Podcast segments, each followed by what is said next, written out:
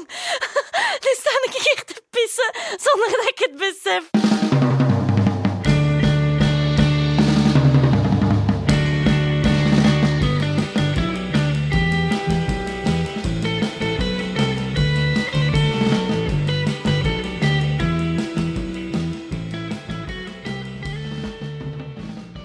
Ik liep stilaan aan mijn jaar.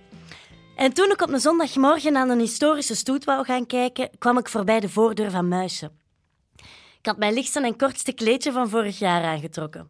Iets dat mijn groei niet meer had kunnen bijhouden en nog met moeite tot onder mijn kont reikte. Och ja, dacht ik, en ik speelde mijn onderbroeksken ook nog uit. Maar op straat liep ik toch wel rechtop en hield ik mijn hand tegen mijn zoom. Want daar kun je nu toch niet zomaar met je kontje blootlopen, hè? dat gaat ook niet, hè? Hé, hey, Mieke. Hey, kom binnen.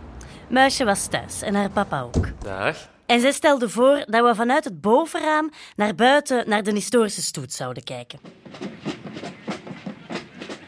Muisje en ik lagen gebogen over de vensterbank van het open raam.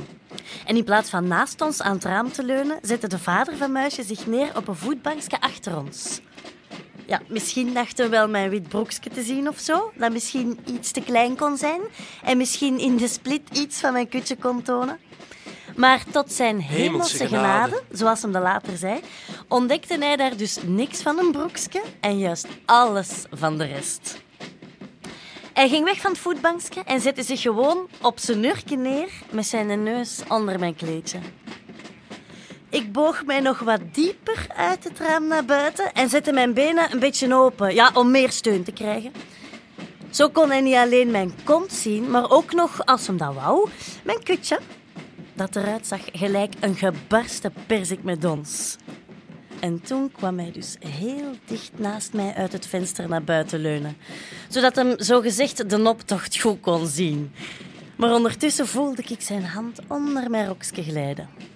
Heel rustig en heel vriendelijk. Ja, zo was ze. Hij legde gewoon bijna toevallig zijn hand tegen mijn bil en liet ze daar wat rusten. En ik, ik bleef kijken naar wat er op straat gebeurde en gaf vrouw Muisje wat commentaar op. Oh, allee, kijk daar van een onversierde praalwagen. Zijn hand gleed hoger en bevoelde de ronding van mijn kont. Eerst nog voorzichtig genoeg en dan bevingerde en betastte hij met zijn twee handen mijn volle maan. Gelijk een ruimtevaarder die er geland was. Nog altijd liet ik niks blijken. Met zijn vinger volgde hij mijn reet en hij bleef aan strontolken aperen en streelde daar een hele tijd mijn zacht grotteke. Ja, het was mij bijna onmogelijk zomaar te blijven doen of ik mij van niks bewust was. Maar het spelletje leek mij zo schoon dat ik ermee doorging. Het was in ieder geval opwindender dan een spelletje ganzenbord. Dat kan ik u wel zeggen. Ik deed mijn benen verder en verder open en ook de rest. En opnieuw toevallig haalde hij zijn vinger van mijn strontolke weg en nam een beetje verlegen mijn muizenken in zijn hand. Hij pakte dat dus helemaal vast en hij kneep er even in.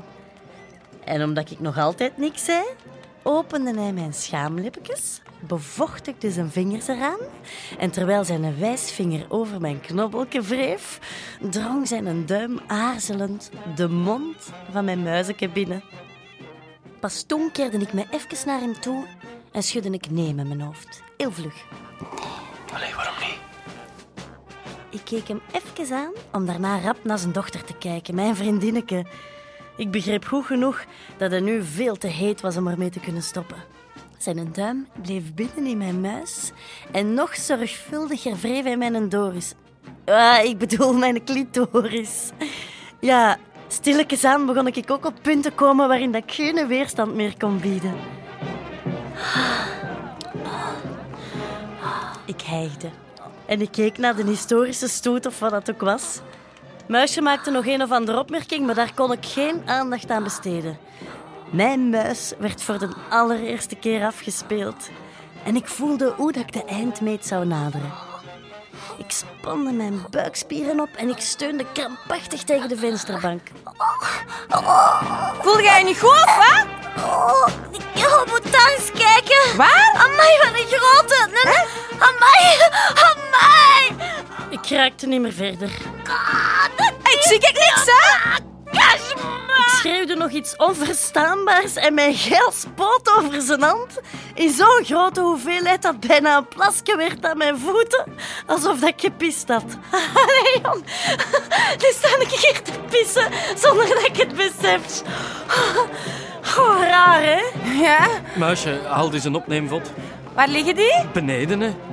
En omdat Muisje blijkbaar de opneemvot niet vond, haalde hij ook nog de veel te heet geworden fluit uit zijn broek, legde mijn hand erop en deed mij eraan trekken, in knijpen en aan slingeren.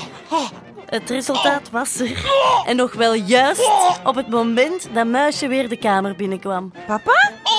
Ze kon nog zien hoe ik de zaadspuitende fluit naar het plasje geil aan onze voeten richtte. Ja, ik liet uw papa ook maar eens goed pissen. Ik, ik, ik ehm, Oh, het is dit jaar toch een schone historische stoet? ja, schone stoet.